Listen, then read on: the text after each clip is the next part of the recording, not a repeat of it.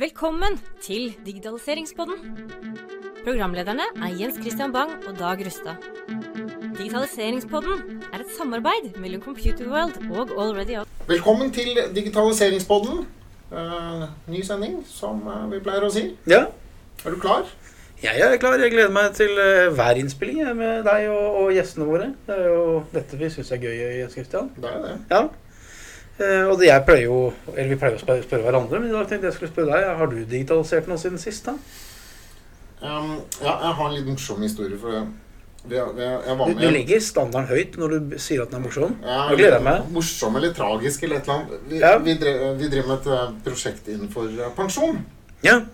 Uh, og der driver vi og skal regne ut pensjonspoeng og hvor mye, mye folk uh, får ved forskjellige aldre når de går ut av pensjon. Eh, og så, så så jeg på de som var med, jeg tror det var ni eller ti stykker som var med i, i det møtet. Sånn, sånn agilt møte. Så begynte jeg å telle hvor mange som egentlig skulle gjøre noe. Altså hvor mange utviklere var det. ja. Uh, Jeg kom til at det var én tester og så én utvikler. Resten var synsere. Ja, syv synsere og to gjøre. Ja, men det, Ja. det er ikke helt sånn heller. For det, altså det, grunnen til at vi har mange synsere, det, det, det var en som var spesialist på pensjon i offentlig, en som var i privat sektor, uh, en som uh, som kunne pensjon sånn generelt, og så var det en UX-designer ja, de, Ja. de er jo litt sånn utførende. Men rommet var egentlig fullt av folk, da. Jo, det var en jurist også. Ja. For vi skal, vi skal lage en algoritme ut av en lov. Og det er klart, det er krevende. Det er krevende. Da må du ha noen synsere. Ja. Eller noen vitere. Og de stakkars, eh, han stakkars utvikleren da, som skulle ut, utvikle det som alle disse her synserne mente noe om, Mm. tror han får det til, men han kommer til å slite litt. Mm. Jeg vet han får det til, og det har begynt å komme noen, noen tall og sånt. Jeg må, jeg må blande meg inn, jeg nå.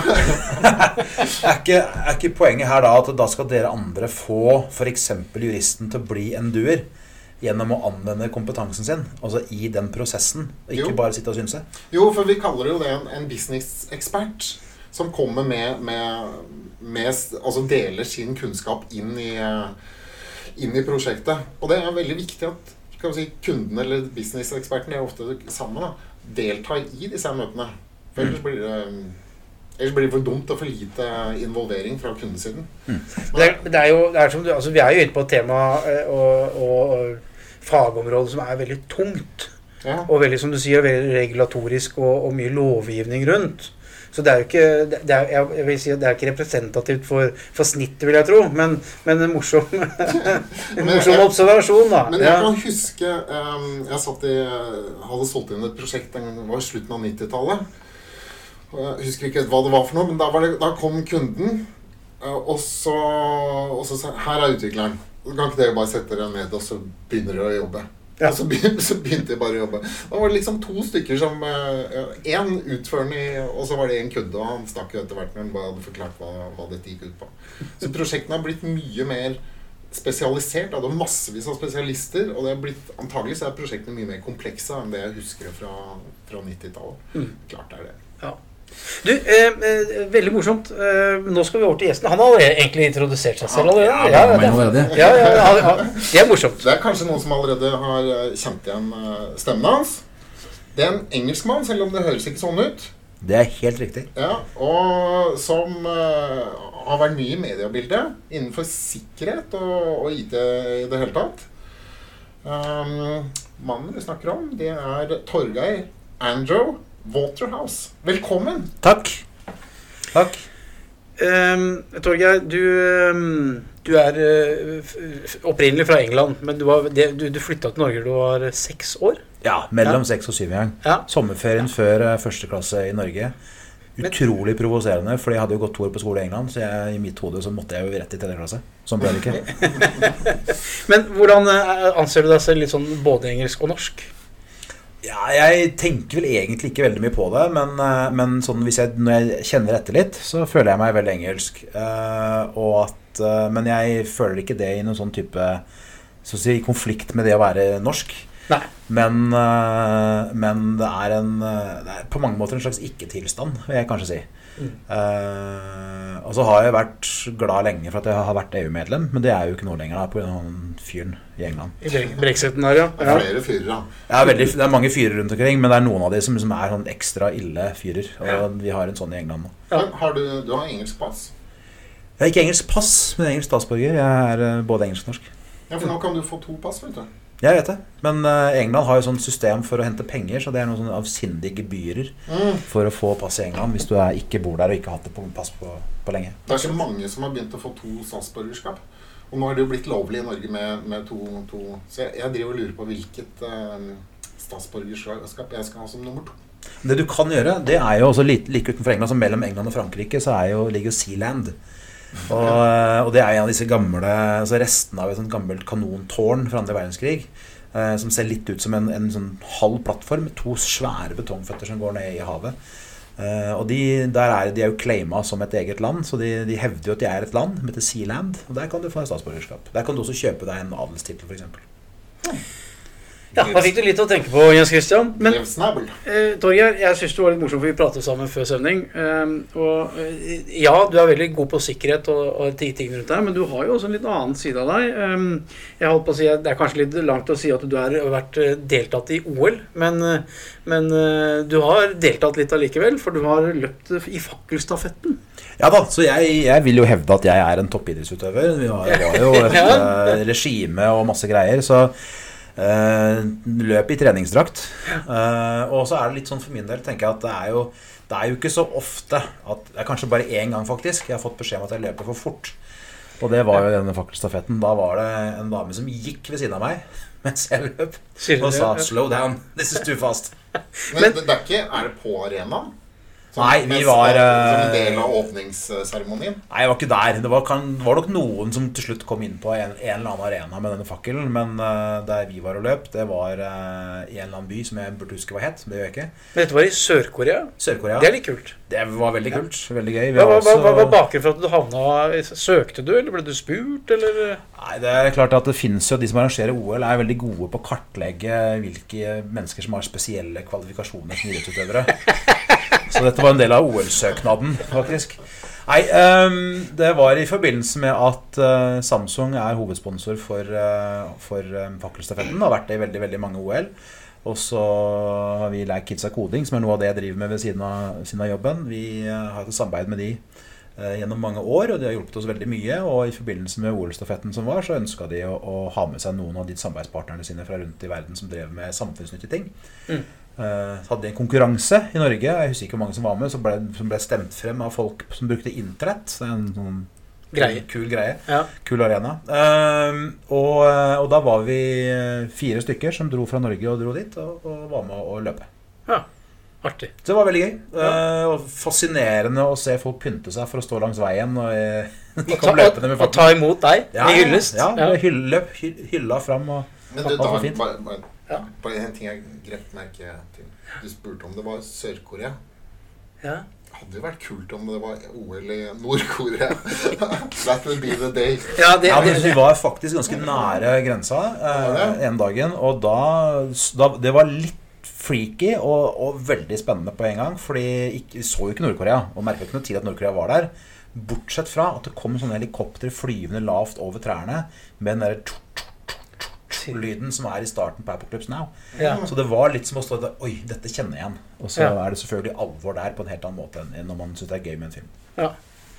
Du, og, og jeg vil bare ta fram en siste ting også som jeg synes er morsomt. Ehm, for du har nemlig hoppa fra et sånt svært tårn borte i USA.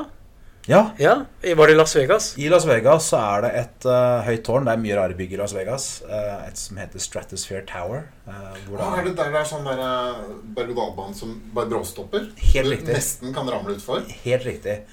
Og der kan du også hoppe ned fra. Og der er vel fritt fall i cirka, eller litt over 200 meter. Og så blir du bremsa. Det er noen vaiersystemer og sånn. Ja. Du må gjennom masse sikkerhetssjekk, selvfølgelig. Det er jo lettere å komme inn på en flyplass enn å komme gjennom det tårnet og ut på den balkongen uten rekkverk. Hvor du skal ned. Men uh, utrolig gøy. Insane jævlig i det øyeblikket du vipper over kanten. Ja, det vil jeg tro. Og alt i kroppen din sier at nå er det ferdig. Og så er det digg deretter. Ja. Ja, det er jo sånn eh, adrenalin, adrenalinkick, vil jeg tro. Og endorfinene bare strutter i kroppen etterpå. Masse ting i kroppen som gjør Ja. jobben sin mens du flyr nedover. Og etterpå. Ja. Kult. Ja, men det er morsomt. Det er en både som er god på sikkerhet, men også som er litt eh, litt både globetrotter og litt eh, ekstremsportutøver. Morsomt. Ja, Første gang jeg har fått den tittelen, den skal jeg holde godt fast Ja, er- det. Nå er det Ja. sagt. Og nå er det, det til med- det er til og med dokumentert at det er blitt sagt. Mm, du er utdanna lærer. Ja. Noe spesialt, eh, spesialfelt innenfor læreryrket? Jeg, egentlig ikke. Jeg, så klart, jeg har jo eh, Man ble jo hadde ikke noe spesialisering å snakke om på vanlig lærerutdanning i Norge for mange år siden. Det er vel litt mer enn nå. Eh, men jeg har jo kombinert det med både mediefag og, og litt eh, annen teknologitilnærming. Så Men var det Det fordi du begynte på skolen Når begynte du på skolen, sånn cirka? Sånn i Norge generelt? Ja, det var i 70-tallet? Ja, 70-tallet, ja. Så da du begynte på universitetsnivå, så var det kanskje ikke noe IT Nei, det var, det var jo noe, selvfølgelig. Jeg har vært der lenge. Og det er viktig. Norge har en lang og stolt tradisjon med IT-fag og forskning og utvikling og sånn også. Så, så ja, det fantes jo. Eh, jeg gikk faktisk, når jeg gikk på lærerutdanning, så, så fikk vi faktisk utdelt eh, oppblåst og kopiert på A4-ark eh, en scrollbar med forklaring på hva de forskjellige elementene i en scrollbar var for noe. Så, så det var også Det var jo alt fra det til, eh, til det mer avanserte. Men jeg er en av de mange på vår alder, eh, og oss tre som henger her, eh, som er autodidakt på IT og utvikling og sikkerhet og alt som er rundt det. Og det er noe av det som jeg, jeg synes er ganske spennende i den fasen vi lever i nå. altså Hvordan det går fra den å ha en stor base folk som har lært seg masse, og en veldig liten base som har studert IT. Eh, og, og vi har et skifte også over i da hvor vi med rette forventer og forlanger utdanning, samtidig som vi skal ivareta den enorme kompetansen som er i Norge. Og vi ser på alle de IT-selskapene som er bygd opp, er jo stort sett bygd opp av, hvis du ser langt nok tilbake, av folk som lærte seg ting underveis, basert på den kompetansen de hadde, og, og brakte det sammen. Mm. Ja, og for, derfor må jeg si det. Også derfor vi har starta opp Lær kids av koding. For å lære barn over hele landet å, og, eh, å kode. Mm. Og siden dere nevnte sikkerhet, uh, starta et lignende initiativ nå som heter Er du sikker? Som skal gjøre tilsvarende for barn og ungdom. Lære de å litt om sikkerhet. Ja, altså rett og slett kursing av barn og ungdom. Ja. Mm. Før de tryk- trykker inn fars kredittkortnummer eller noe. Ja, eller kanskje hvordan de skal skjule at de gjør det, altså far ikke kan blame de. Hvis vi ser litt på, på sånn eh, karrierestigen, eller om ikke stigen, så i hvert fall bakgrunnen, så har du hatt eh, en lang periode bak deg i Forbrukerrådet. Mm, helt riktig. Um, og der kanskje Du har sikkert mange ting, der, men en av de tingene som vi uh, biter oss merke er jo selvfølgelig Apple-saken. Som du, Ja. du var delaktig i. Ja, det var en stor og viktig sak, og spennende sak, og det var lærerik på så mange måter. Uh, Vi var tre, tre stykker uh, i Forbrukerrådet. Det var meg, og så var det en jurist, Lars, og så var det en kommunikasjonsrådgiver, Jo, som uh, jobba frem, utarbeida, jobba med osv. videre, og knakk og brakk og, og dypt, stupte inn i, i vilkårene fra så mange kanter, og, og kom opp da til slutt med en, en stor og, og velskreven, viste seg, klage som vi leverte til Forbrukerombudet, som så behandla den. Og så var det jo eh, mest av alt en enorm jobb etter det, da, i eh, både å jobbe med myndigheter og presse og lage dette til en sak som man kunne komme noen vei med. Og så er det viktig å si da, at det er jo veldig veldig mye fokus på Apple, selvfølgelig, for det var jo iTunes-vilkårene vi klagde på den gangen. Men uh, vi hadde en, en smart og viktig setning helt til slutt. For øvrig gjelder disse problemstillingene alle andre download-tjenester for musikk vi har klart å finne. Riktig. Du- ber om at de også blir sett på. Men, men da, da, da, det betyr at du er en av uh, svært få som har lest gjennom hele vilkårvedlegget til, til iTunes. Det er helt riktig. Så har jeg sikkert endra en gang eller to siden. Ja. Men, Men det var eh, ikke bare to sider, det. Nei, det var mange sider. Ja. Og uh, noe av det, og det er jo fascinerende med mye programvare, det er jo også, også da iTunes på den tiden der. Jeg vet ikke om det står der enda, men på den tiden i hvert fall så var det ikke lov å bruke iTunes til å drive atomkraftverk. Det var en del av vilkårene. Ja, er det tung lesning? Ja, Du sliter liksom med Hvis det er sånn ja, Du vet jo lovsetninger men når du spør, så betyr jo det at du ikke har lest noen vilkår, kanskje? Ja, det er ikke min greie, liksom. Nei. Så, du har, eh, så ja, du har mye tung lesning foran deg. Det som også er en greie, er jo selvfølgelig at det hender at noen syns skal ha det gøy også. Så snakket for så vidt om det på en, en konferanse før i dag. Um, hvis man går til uh, hva er det, punkt 42.10 i vilkårene til AVS, altså Amazon Web Services, så finner man at eh, en del av vilkårene eh, blir satt til side, og begrensningene blir opphevet i det øyeblikket det er et zombieangrep på USA, som er eh, god, anerkjent som nettopp det av de relevante helsemyndighetene. Så noen har hatt det veldig gøy på jobb. Ja, det er Jeg trodde kanskje vi mente sånn der zombie, digital zombie. Men det var nei, nei, det ekte zombie. Ekte zombier, ja. Ekte zombier. Ja.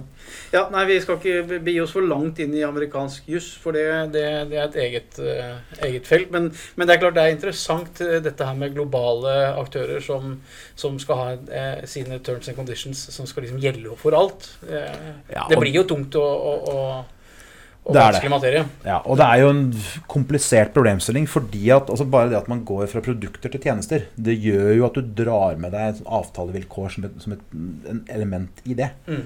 Uh, og, og så er det helt opplagt at det, det er veldig lett å gjøre narr av, det er veldig lett å gjøre et poeng av at noe er vanskeligere, komplisert osv., men samtidig så er det jo sånn, da. Mm, At det drar med seg mye. Og ser du hvis man holder seg i musikksfæren eller åndsverksfæren, så er det klart at det er masse rettighetshavere bakover. Og de kravene, rettighetene de har, de kravene de stiller forover i kjeden, jo nærmere forbrukeren du kommer, at det også er noe som blir med videre, og som betinger en del ting. Mm. Sånn at når eh, man f.eks. har hatt krav om kopisperrer, så er jo det fordi man har et ansvar for at det ikke har vært mulig, så det være mulig å kopiere videre. Og så har man heldigvis etter hvert skjønt at det er en del måter å gjøre ting på som gjør at det ikke blir så drakonisk og håpløst som det var i den startfasen når musikk gikk på nett. Men det er klart det er noe, jeg tenker at, um, For det, det legger vi merke til allerede altså nå også i 2020. Altså disse store Du nevnte AVS, ikke sant? og du har Microsoft og andre som, som, som er i skybaserte tjenester. Um, hvor man har markeder som, som ikke har tatt inn over seg disse skytjenestene og, DNA-et i sky. Mm. Som et eksempel. Så blir det jo en, en krasj i terms and conditions der naturlig. eh, som, som er vanskelig materie eh, å, å ratte opp i. Ja, det er komplisert. Og det er, det er både fordi at det, er, det, handler om så mye, og, det er det ene. Altså det er så mange forskjellige aspekter i det som for oss kan se ut som en veldig enkel tjeneste, hvor du krysser i en boks og du sier ja, og du vrir på noen bryter, og så har du fått tjenesten din. Det ligger veldig mye bak der. Eh, og så er det jo lovregler i forskjellige land. Bare for eksempel sånn som vi har i finanssektoren i Norge med hvitvaskingsregelverket, som gjør noe, påvirker virke, hva som står i vilkårene vi har for bankkontoene våre, f.eks. Mm. Så det er så mye som kan påvirke det. Og så har du hele cross border-situasjonen, som selvfølgelig også gjør en del. Um, og um, det er en, en virkelig en komplisert materie, samtidig som det ikke er det. Ikke sant? For at du, du, det er litt sånn hva du velger også av inngang her. At um, du kan jo ikke la være å bruke teknologien fordi at vi er i en hva skal jeg si, både uoversiktlig regulatorisk og, og vilkårsmessig fase. Jeg tror at Hvis vi kommer oss et stykke fremover, så vil vi jo se tilbake på dette her litt som en sånn type ja, Vi måtte gjennom stormen-periode. Ja. Og så har vi forhåpentligvis landa på en bra måte hvor det er enklere enn det er i dag å forholde seg til alt dette. Ikke sant? Ja, Hvis det ikke blir vanskeligere. For det, altså, du har jo regler i alle mulige land. Og Mm. Mm. EU er liksom ett regelområde, og så har vi lokale regler eller globale, ja, nasjonale regler i Norge. Og så har vi alt som er utenfor, og som på en måte ikke har den samme verdioppfatningen, eh, særlig om personvern, da, som det Mm. resten har. Og Dette har vi snakket om flere ganger også, i forhold til hvilke mulighetsrom er det for disse aktørene i de forskjellige eh, regulatoriske områdene. Da, ikke sant? Altså, eh, ja, hvis man går til Asia, så er det lettere å kanskje bare innføre ting eh, enn en Ja. i, i EU, som du kanskje har mer privacy og GDPR. Og så. Mm. ja, altså det, noen, det er noen skifter her. Da, Ja, men man kan jo sånn veld, veldig tabloidisert altså kan man jo si at i Europa så har vi et regelsett som sier at våre data er beskytta uansett, og en del av de, den beskyttelsen har vi ikke lov å avtale vekk. Mm. I USA så er det jo for så vidt ikke nødvendigvis helt ulikt, men du har lov til å avtale bort det meste. Så du er i realiteten Og så kan man diskutere er du i en situasjon som enkeltforbruker at du har, kan forhandle eller ikke, og antakeligvis er du ikke det. Så i praksis så er Det er corporate som gjelder, corporate som, som, som bestemmer. Og så har du helt borti der i Asia, som stort land borti Asia. Er ikke USA litt på vei inn i GDPR? eh? Jo, i hvert fall California og noen delstater er liksom, de har begynt, de har fått en awakening, så, så de beveger seg i vår retning. eh, eller den retningen som Europa har. Men du tror ikke de kommer til å gi avkall på den, den regelen om at eh, du kan ha avvik til eh, de absolutte reglene? Nei, jeg, jeg, tror, jeg tror nok at vi kommer til å se ganske mye utvikling på det feltet, rett og slett fordi at det, det handler om eh, så, så grunnleggende verdier, da, altså grunnleggende eh, det er så grunnleggende element også for tilliten som må være der for at samfunnet skal fungere. Mm. På samme måte som eiendomsrett, f.eks., selv om ikke de kan sammenlignes direkte. Så, men så har du det der borte i Kina, så er det jo motsatt. Det er bare å bestemme staten at disse dataene skal vi ha. De skal vi bruke. Mm. Uh, og, og det som er fascinerende, er jo nettopp å se hvilke utslag det får. Uh, og, og så er det i en sånn tidlig fase lett at man blir veldig bastant og tabloid, og det er best, nei, det er best. og ja, I Kina så får de lov til å bruke så mye data, da kommer de til å lage så mye bedre AI-løsninger enn alle andre. Og så gjenstår det egentlig å se Mm. hva som skjer, og hvor vi kommer til å havne. Eh, og, og det er noe av det jeg er veldig opptatt av i all anvendelse av teknologi. At vi må, liksom, vi må huske at vi bruker teknologien, vi utvikler teknologien, vi anvender den for å lage bedre samfunn og mer effektive tjenester. Rett og slett bare gjøre folks liv best mulig. Men effektiv er vel kanskje veldig sentralt i Kina-politikken, da. Altså for, det, for de er jo supereffektive. Nå driver de og lukker ned byer pga. koronavirus. Ja. Og Jeg tror ikke de, vi får ikke til det i Europa på samme måten. Nei, og da er du inne på det sånn så, det altså, ja, for de er Forskjellige verdier, da. handlingskraftige på en helt annen måte. Og det er ikke bare negativt. Nei, selvfølgelig ikke. Og det er klart at det, det ville være utrolig tåpelig å ha en inngang til å diskutere forskjellen på Europa og USA og Kina som gikk på at det er, noe er bra og noe er dårlig. Ensidig. Det er ikke så sort-hvitt. Det er klart det, det eksempelet du drar opp der, og andre eksempler viser jo veldig tydelig at hvis du har full kontroll, eller tilnærma full kontroll på befolkningen, så er det mye du kan få til som du ikke kan få til i et samfunn som vårt. Og da må jo diskusjonen handle om hvilke verdier er det vi vekter mot hverandre på hvilke måter. Ikke om de fikk det til eller ikke, om vi får det til eller ikke. Fordi det er jo i, i, innenfor et, et handlingsrom vi får til noe. Er noen, hvilke verdier er det som setter noen rammer realiteten Mm. virtuelle rammer for oss? Mm. Og når vi er opptatt av menneskeverd på en annen måte enn man er i andre land, når vi er opptatt av personvern på en annen måte osv., når vi er opptatt av, av beslutningsmyndigheten, om staten skal bestemme eller om vi skal bestemme selv, på forskjellig vis i flere land, ja, da får det utslag. Da definerer det handlingsrommet vårt. I litt manglende effektivitet. Bare se på hvordan de bygger ut byer eller jernbane i Kina. Ja, Det, Jo, men det det, går, det går fort. Ja. Ja, ja, liksom, ja. ja, er, mens, Plusser og minuser. mens her så blir jo et vedtak blir jo, fra Stortinget blir jo omgjort 14 ganger. Ja, og da er du i en helt annen skala, ikke sant? Da har du, og det, det er jo selvfølgelig noe av utfordringen, at du får eh, Men når ønsket om å høre på alle og ivareta den, den, selv den smaleste interessen møter ønsket om rask gjennomføring, og du satt på spissen med å drive og velge, ja, da, da får du den type utfordringer. ikke sant? Mm. Og så er spørsmålet hva er viktigst for oss som mennesker, da? Er det viktigst å få det bygget eller den parken eller den veien nå? Eller er det viktigst å, å i hvert fall gi en opplevelse av at alle blir hørt på? Du, For å dra oss litt tilbake igjen inn på, på, på agendaen. eh, Så, så nå har vi dukket nå har vi Er vært- dette noen maktutøvelse vi ser nå? Ja, dette er hersketeknikk. Ja. Ja. Ja, det er like før jeg begynner å ta på deg. Ja, Eh, Men Forbrukerrådet, og så gikk verden videre over til IKT Norge. Helt riktig. Og der var du i tolv år. Tolv år. Nesten tolv år. Ja. Rett, ja, ish. Ja, Morsomme tolv år, vil jeg tro. Det er mye som skjedde Veldig, der. ja, ja, veldig mye gøy. Veldig mye både fantastisk bra læring, eh, utvikling, opplevelser. Eh, veldig tight og godt miljø å jobbe i. Mm. Uh, kontakt med mye spennende selskaper, politikere. Alt veldig, veldig bra. Men det var der, gjennom den jobben du dukket så mye opp i media. Fordi hver gang noen skulle si noe eller mene noe om, om IT, så ble du trukket, uh, trukket frem. Veldig mye media i den jobben. Eh, og, eh, og det er- jo en del av um, en av de mange arenaene å formidle kunnskap og, og bidra til, eh, til debatter og perspektiv er jo i mediene. Og, og noe av det jeg er veldig opptatt av med, eh, med mediene som flate, eller samfunnsarena, er jo også at vi må få, få det faglige fram, vi må få kunnskapen fram og perspektivene fram. Og, og um, det å, å få til uh, at vi har debatt, bidra til å opplyse debatten. Og ikke nødvendigvis alltid være så opptatt av utfallet av debatten, men uh, bidra med kompetanse underveis, syns jeg er kjempeviktig. Ja, Og mediene har en stor og viktig rolle. Det er hyggelig å høre. Og det var, um, det var de der um, mobile appene. Det har du snakket om, Det er klovnenesa. Ja, Ja. For det, Før så var jeg egentlig imot å oppdatere apper på mobilen. Jeg så tenkte De kommer bare til å putte mer skit inn i den appen. Det kommer til å bli gått treigere, og de kommer til å suge mer data ut. Så tenkte jeg ikke på det med sikkerheten. Kan ikke du dra den? Jo, men det, ja, det kan jeg gjøre. Det er veldig enkelt. Da kan du leie, da. Da er det jo full mål- måloppnåelse her. Nei, altså det er, jo sånn eh, og, vi har snakka om sikkerhet allerede, og kommer sikkert til å komme tilbake til på, på et vis også. Eh, det, jo, det er jo, som dere vet, som jobber i den bransjen, IT-bransjen, så er det jo alltid et potensial for feil i kode. Enten det er det opprinnelig, eller det skjer i kombinasjoner seinere. Noe gjør at det vil kunne være svakheter eller feil eller uh, med stor alvorlighetsgrad osv. Om open source er kjente sårbarheter? Ja, og mye sårbarheter er kjente, og du har det vi kaller zero day. ikke sant? At det er antall dager siden, Hvis det har gått null dager siden feilen ble offentlig kjent osv. Så, så um, og, og det er jo viktig at disse feilene patches fortløpende og fikses fortløpende. Eh, og Derfor så kommer det også ofte oppdateringer jevnlig, uten at det snakkes om i informasjonen om oppdateringene heller, at det ligger sikkerhetsfikser der. Og, og da er det nettopp det at det å få folk til altså Det er noe av det viktigste og enkleste alle kan gjøre. Og det alle kan få til, er jo nettopp å holde ting oppdatert. Når det er laget så enkelt som veldig mange av smarttelefonene er.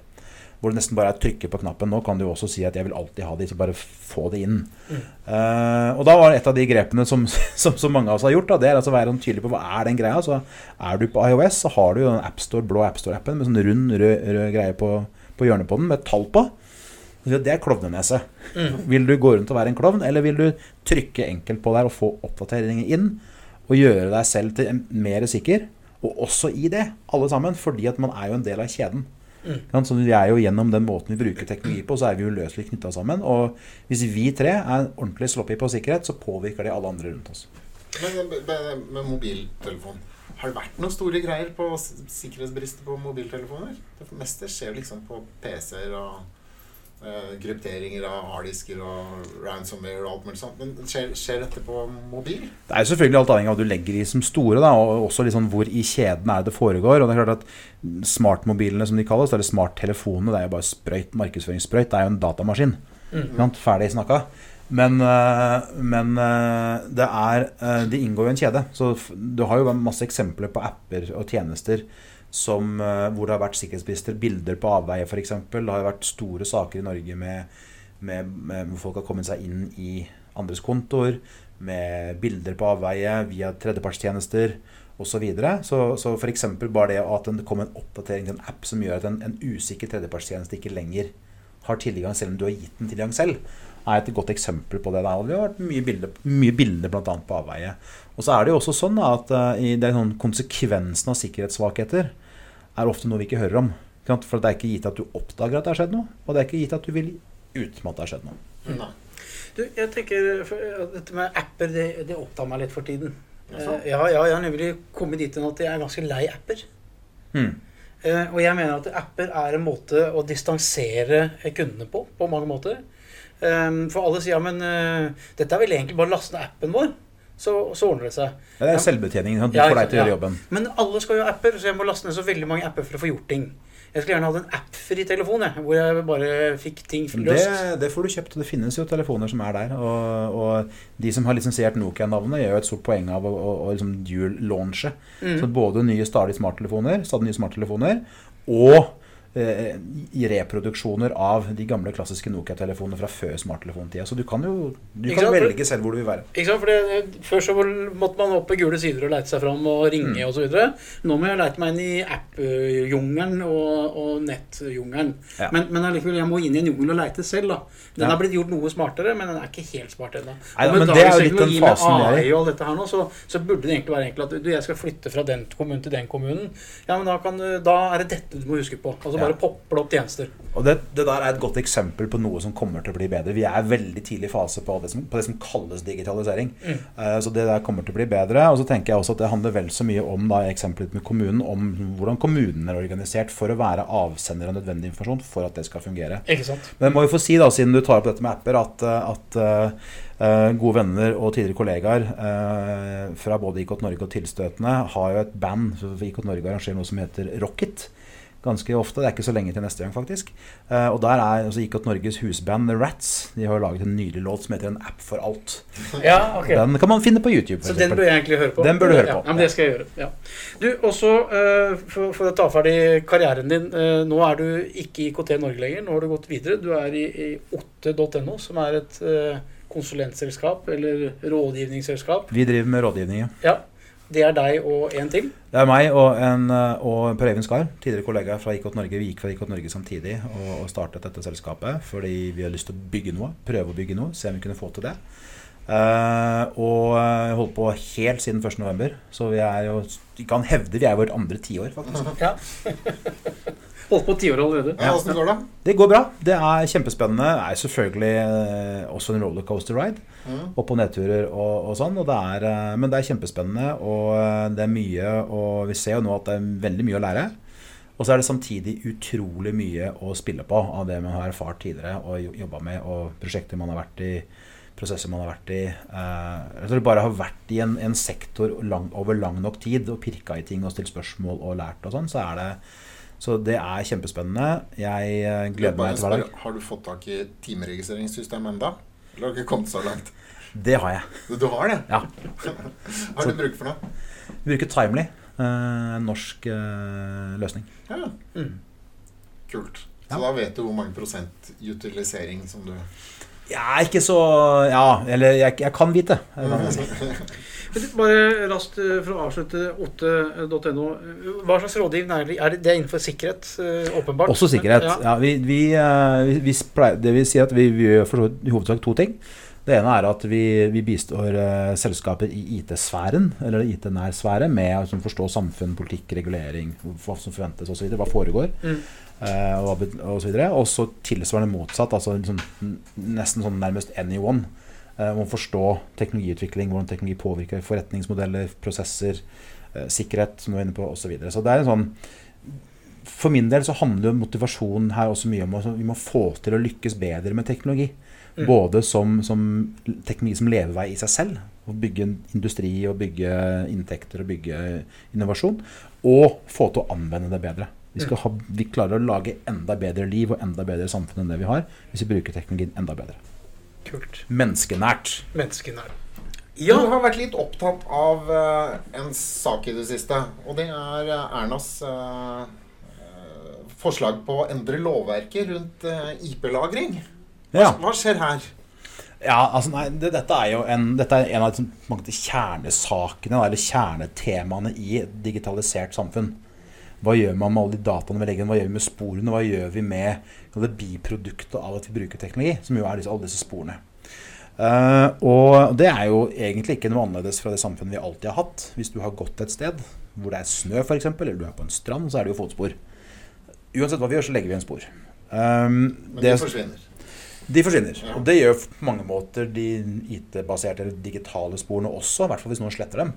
Mm. Eh, eller en disk går full, eller går i stykker, eller hva det måtte være. Men, men, men sånn er, Så det er jo likt, men annerledes. Veldig annerledes. Også med tanke på hva det kan bety og konsekvenser. Men de som ikke vet hva et IP-spor er, da. Ja. Hva er det? Altså, hver enkelt teknisk enhet som er kobla til internett, eller et eller annet nettverk, får en adresse på det nettverket. Sånn at når den du gjør noe via den, så kan også det, det er noe du interagerer med, om det er en nettside eller det er et kamera eller hva det måtte være, kan da få sendt de dataene som skal tilbake til den, til den. Mm. Sånn at uh, hvis du gjør et søk på, på Google, så, så, sånn at, så vil nettleseren din være mottaker av trefflista.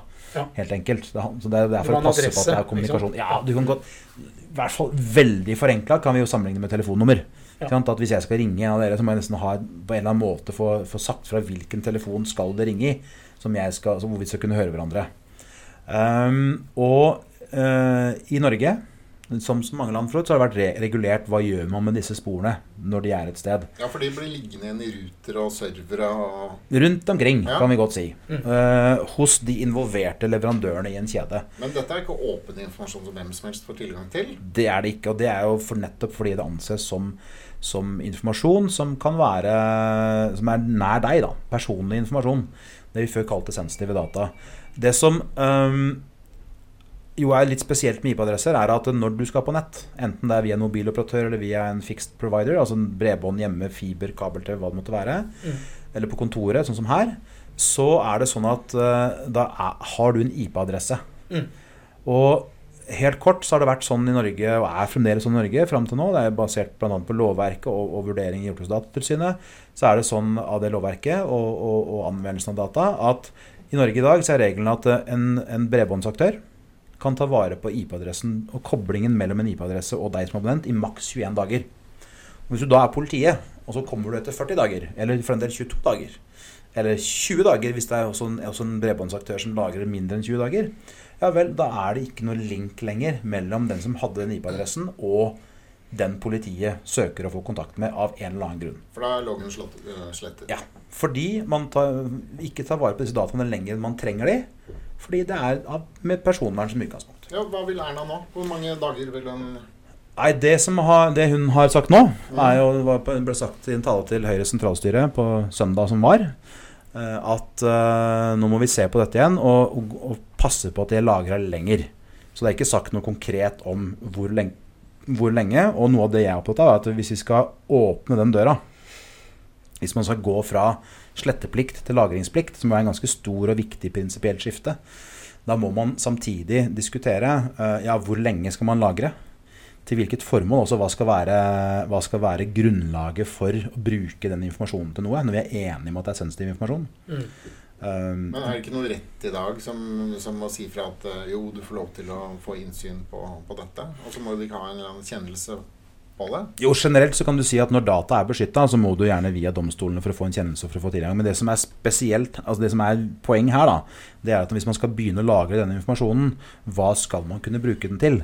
Skal du kunne bruke den hvis du er ja, Sånn som man, noen før, da, vi snakka om iTunes tidligere, eh, men før når det, når det var mye ulovlig nedlasting av musikk, eh, sånn som ulovlig kopiert musikk, så uh, ønska jo mange eh, i musikkindustrien at man skulle kunne bruke IP-adresser bl.a. til å finne frem til hvem hadde gjort det.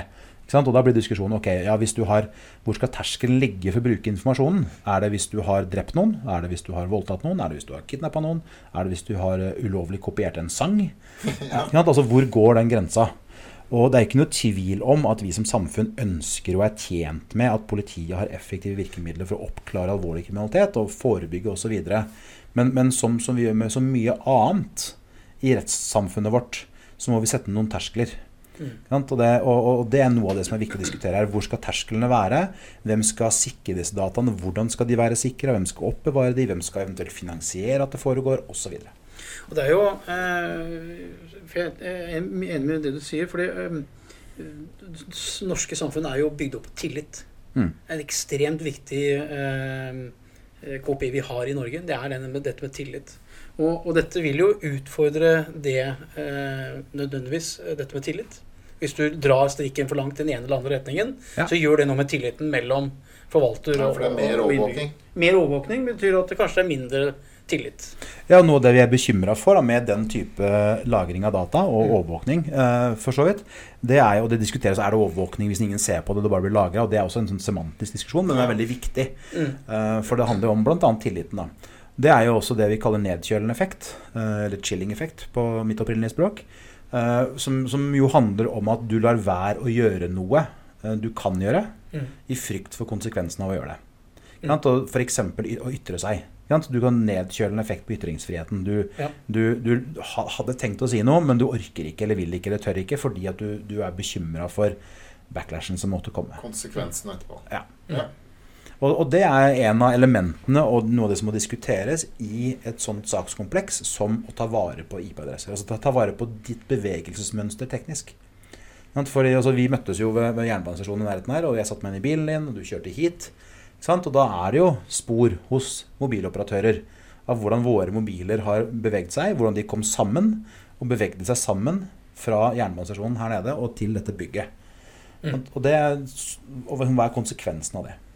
Eh, så, så For å illustrere litt hva det handler om da, eh, Når vi hadde debatten om datalagringsdirektivet, som jo også en periode var innført i Tyskland, så ble det jo ble behandla i høyesterettsdomstolen der om det, om det regelverket som sa noe av det samme som det, men mye mer enn det Erna har, har tatt til orde for nå. Så var noe av domstolens vurdering at eh, nei, det var å gå for langt. Og De sa f.eks. at en del yrkesgrupper skulle bli unntatt. Så når man i det regelverket snakket om å lagre telefonsamtaler, altså ikke selve samtalen, men hvem som var ringt hvem når, Mm. Så så var det snakk om at det var prester og gjeldsrådgivere og rusrådgivere og en del sånne yrker skulle være unntatt. Ja. Sånn at sam kontakten din med rusrådgiver eksempel, skulle ikke være logga. For man frykta at du som menneske kanskje ville la være, da, hvis du Mm. ta kontakt. Ble det sånn? Ja. Er det sånn nå? Nei. Nei? For det lovverket er kjent ulovlig. Men jeg tenker på, hvis du ser på, for jeg forstår jo altså, hvorfor diskusjonen har oppstått. fordi ehm, hvis, man ser på, hvis man ser på den andre siden av kriminaliteten, den har jo Mm. også blitt digital. Så Ja, det er viktig for politiet og myndighetene til å kunne ha den digitale muligheten til å, å drive med etterretning. Helt opplagt. Eh, Så, så det, er, det, er, jo en, en fornuftig diskusjon. Mm. Det er poenget. Ikke Mm. sant? Vi, vi, vi må diskutere mye mer enn bare har politi, kan politiet ha et utbytte av dataene eller ikke. mm, Vi må se på alt rundt oss, og hva betyr det? Hva, eh, på samme måten som vi, når vi har diskutert kameraovervåkning, eller vi diskuterer eh, fotobokser langs veiene, ikke sant? Og, og man diskuterer fotobokser som er standalone, annerledes enn man diskuterer fotobokser som måler gjennomsnittsfart over en strekning. Ja. Vi må ha en sånn lignende brei diskusjon rundt um, eh, logging av IP-adresser for etterforskningsformål. Og Vi nevnte jo, vi var innom Kina i sted. ikke sant? Og Det er klart at det er jo akkurat samme der. Hva er, det, hva er det de gjør? De har jo en annen vurdering enn vi har på hvor langt man kan gå i å spore hvert enkelt menneske for å oppnå noe på vegne av samfunnet. Mm. Og så sier ikke jeg med dette at Erna vil ha Kina, men, men poenget er at uh, vi må liksom se på hva er, hva er de relevante samtalene å ha. Hva er de relevante sikkerhetsmekanismene vi må ha for bl.a., som du var inne på med tillit, at befolkningen skal ha tillit til at politiets anvendelse av data er i tråd med det, de verdiene vi har for vårt samfunn. Men mye av dette er som Altså de IP fra PC-er og, og sånt, så tenker jeg de kan bare kjøpe seg en VPN-tjeneste, de som vil gjøre ulovligheter, og så blir de ikke tracket. Eller de kan bruke Tor-nettverk, eller noe er, ikke det, er det ikke bare enkle måter å komme seg rundt det? Og det er mye man kan gjøre teknisk eh, for, eh, for å skjule seg. Mm. Eh, så er det samtidig sånn da, at, eh, at eh, det er veldig mange som begår kriminalitet, også grov kriminalitet, som skal og må etterforskes, som eh, ikke er bevisste på forhånd.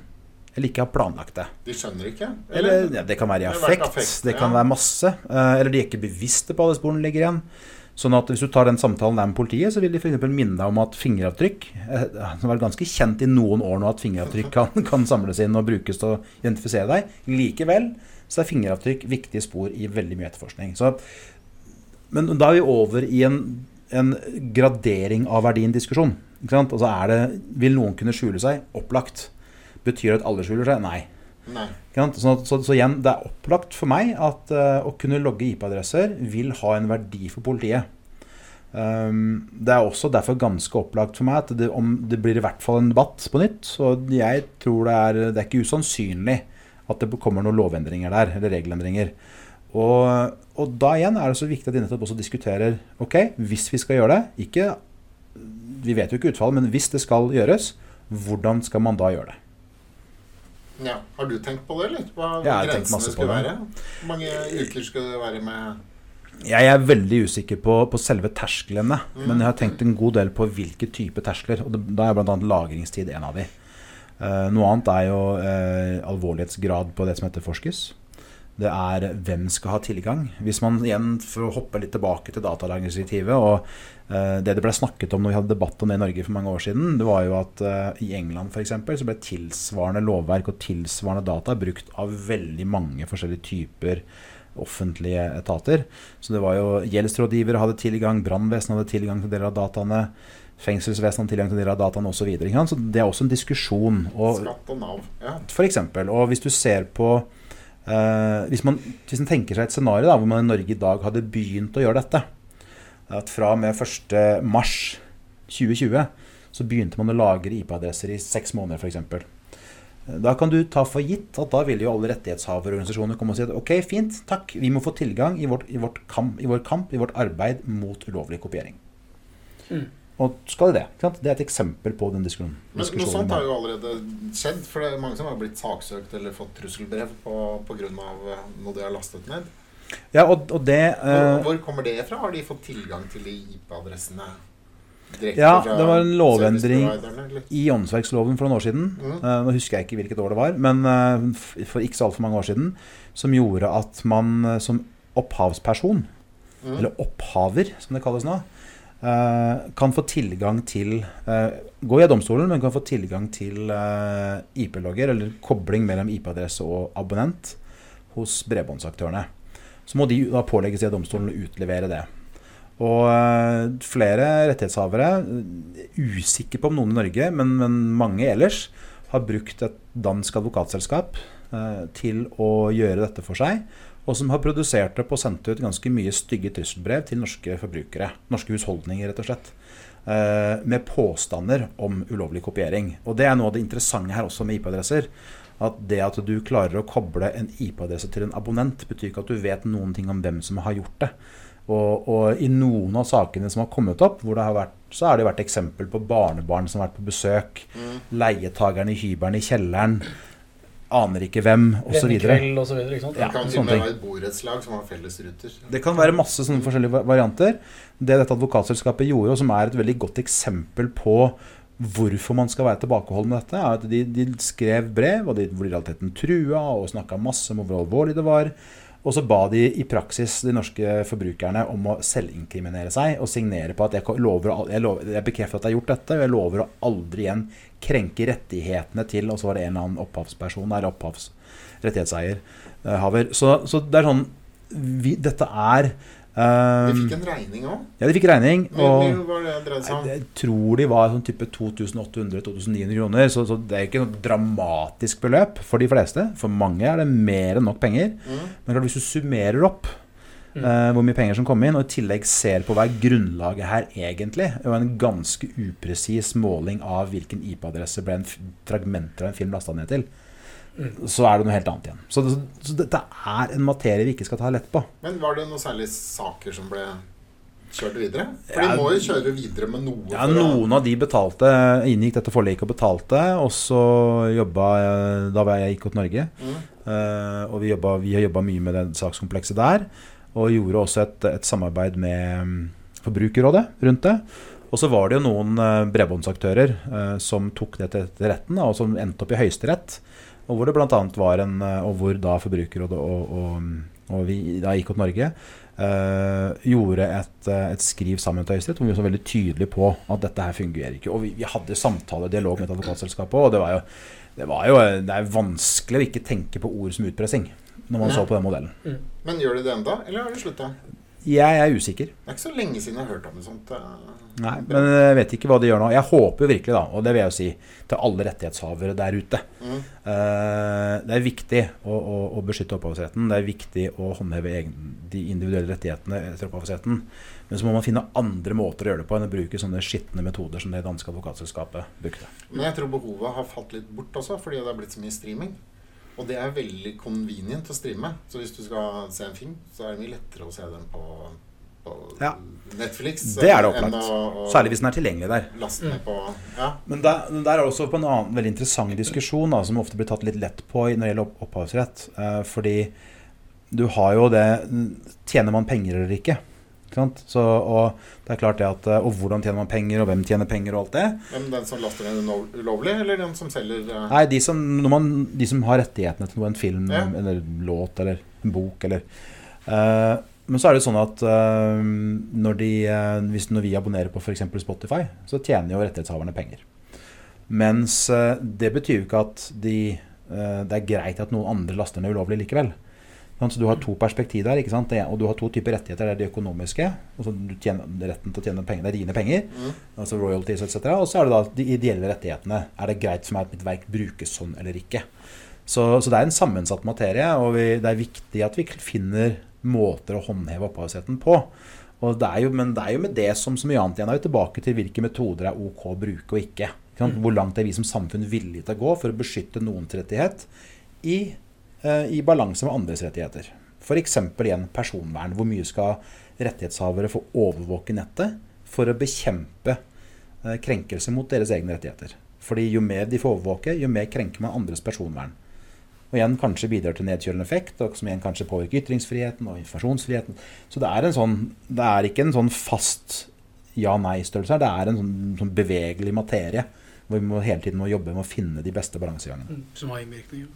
Du, En annen ting som, som, som, er naturlig å begynne å eh, liksom, tenke på når man tenker eh, digital signatur eller spor, det er dette med cookie. Ja. Um, og det er jo Etter at GDPR ble innført, så var det jo så, Så er det ikke- Så er det ikke en side du kan gå inn på nå uten at du må trykke I accept eller jeg godtar eh, cookie. H- h- Hvordan, eh, hvordan er det liksom i dette landskapet sammen med IP-tracking? Altså, Ja, Det henger jo sammen, for du kan si at til sammen så utgjør alle disse små enkelttypene av digitale spor de utgjør et stort bilde. ja. Man snakker jo f.eks. om noe som kalles fingerprinting, at du ser mange forskjellige egenskaper teknisk sammen som gjør at du kan identifisere noen. Så selv om du, du f.eks. bytter eh, IP-adresse, og du tar maskinen din fra et nettverk til et annet nettverk, så vil du like enn den kunne legge igjen såpass mye spor at noen i en serverende f.eks. en nettside kan se at ah, det er samme brukeren. Det kan være biometriske data, f.eks. Hvor fort du skriver på tastatur, Ja. eller hvordan du beveger musen, eller Ja, sånne ting. Det kan være, det kan være mye andre egenskaper, og summen av det, hvor hver egenskap for seg ikke nødvendigvis er identifiserende, men den eksakte kombinasjonen som du har, ja, det er deg. Mm. Eller antagelig deg. Eller for den del bare hvit mann i middelalderen, i, ikke middelalderen som er historisk, men sånn i, i disse mid, mids, Mm. Uh, i Oslo. Men da tenker jeg sånn på, på, altså Når vi tenker på cookie, og vi får opp det på alle sidene vi er inne på altså Jeg opp, mener jo det at etter at GDPR ble innført, og jeg syns GDPR er bra, jeg også, men jeg fikk bare mer knapper jeg måtte trykke på for å ta i bruk tjenester. For jeg måtte akseptere alt. Men er cookies og, og GDPR det samme? Altså, jeg vet ikke, er det samme, men kommer eh, GDPR Du kan si Det er samme bakenforliggende logikk om at vi skal ha kontroll. Mm. Så det er, et forskjellig, altså det er forskjellige regelverk som ligger bak på mange av disse tingene, som likevel for oss som brukere flyter i hverandre. Uh, og det er nye regler på gang også rundt eh, håndtering av cookies, og det, det kommer til å bli strengere enn det det er i dag. Um, og så har du mange andre typer sporingsteknologier som, har, som er substitutter for cookies, men som heter noe annet osv. også. Men når vi bruker cookie nå, så er det sånn samlebegrep. Ja. Og bare det du beskriver med å klikke på bokser her og der og, og, og sånn, det, det er jo også noe som for meg illustrerer kompleksiteten i det å lykkes med teknologianvendelse. Fordi eh, noe av det vi også vet, er at det du blir veldig god på å automatisere og bare finne den boksen og trykke på rette knappen, så du slipper å forholde deg til det du opplever som støy foran det du skal gjøre. Så en, en reell risiko her er jo at du faktisk bare bør vente til og automatiserer at du klikker vekk istedenfor å lese det som faktisk står der. Og, jeg, og jeg godkjenner alt innenfor cookie. Selvfølgelig, dagens- dagens, selvfølgelig gjør du det, eh, for du skal jo til det som ligger bak. Ja. Og hvis jeg ikke trykker det, så er det ikke sikkert jeg får tilgang til tjenestene. Nettopp. Ja. Og du er jo der for å komme til det som er bak der, så du er jo ikke interessert i den boksen der. Du er interessert i det som er bak, som er grunnen til at du havner der du er. Ja. Men da, og du sa det jo selv, og det, det kommer noen nye endringer innenfor cookie som, eh, som jeg forstår skal gjøre at man ikke bare kan trykke OK eh, og, og akseptere alt, men man skal nå også differensiere hva er man skal si, gi aksept på innenfor cookie. Altså at det skal Mm. deles opp. Ja, Det skal annet bli mer fingranulert, da. Som også, Ja. fortsatt også følger av personopplysningsloven, som er norsk implementasjon av GDPR. Uh, så, og det er nettopp igjen fordi at du skal ikke si ja eller nei. Du skal kunne si ja til forskjellige elementer. Du skal kunne si tja eller nja også. Ja, eller 'jeg vil dette, men ikke dette'. Ja. Ikke sant? Altså, eh, det er f.eks. greit at hvis jeg bruker en karttjeneste, at mitt bevegelsesmønster inngår i det samla bevegelsesmønsteret som rapporterer tilbake til alle de andre brukerne hvor det er kø, og hvor det ikke er kø. Mm. Men jeg vil ikke at det skal brukes noe mer, f.eks. Så, så det er nettopp- gradert det. Nettopp. Ja. Og det er det som er noe av poenget. Selv om det ikke er cookies som styrer akkurat der, da. You get the point. Ja. ja. og det, og det er, dette er jo det er ganske stor sånn, ja, om ikke jungel, men det er ganske vanskelig eh, kart og terreng dette her. For hvis vi da begynner å snakke om dette med browserinnstillinger oppi det hele, Mm. så er det også det, det er ikke, Du må jo liksom ha en viss kunnskapsnivå her for å kanskje ha forståelse for hva du gir fra deg av, av data og ikke. Kan du si litt om Ja. det? Ja, da, ja og, og det er noe av utfordringen for oss. Ikke sant? For vi begynner å bruke ganske avansert teknologi alle sammen.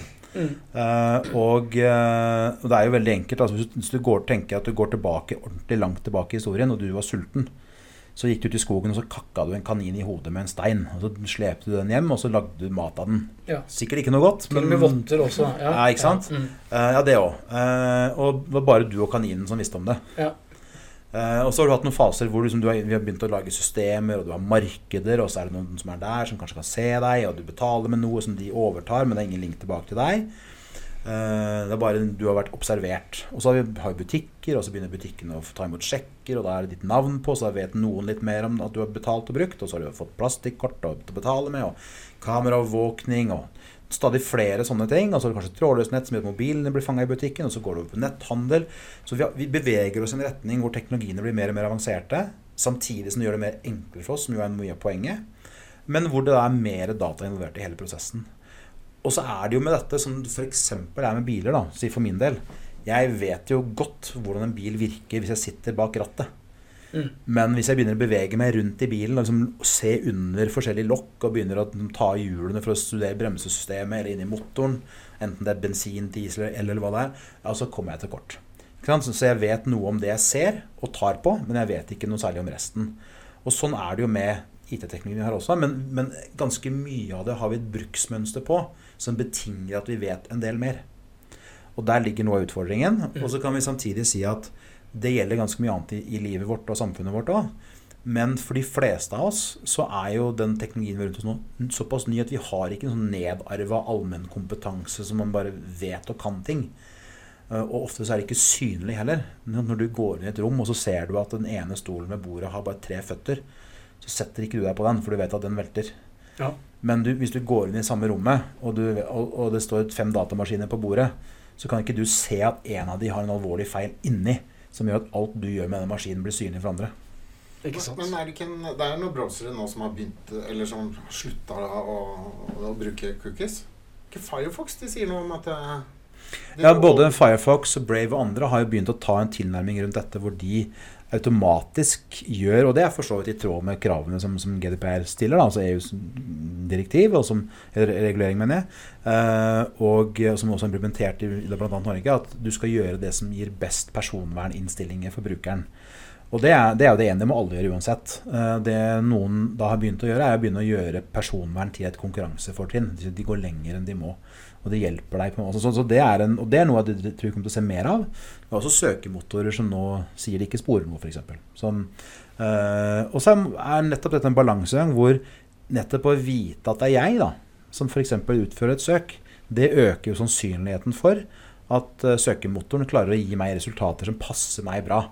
Uh, I motsetning til uh, generelle resultater. Så det er, en sånn, det er en avveining der hele tiden på hvor mye personifisert vi vil ha det, og hvor mye vi på en måte være i fred og være anonyme og, ikke legge igjen eller gjøre et poeng av at de har vært et sted og gjort noe.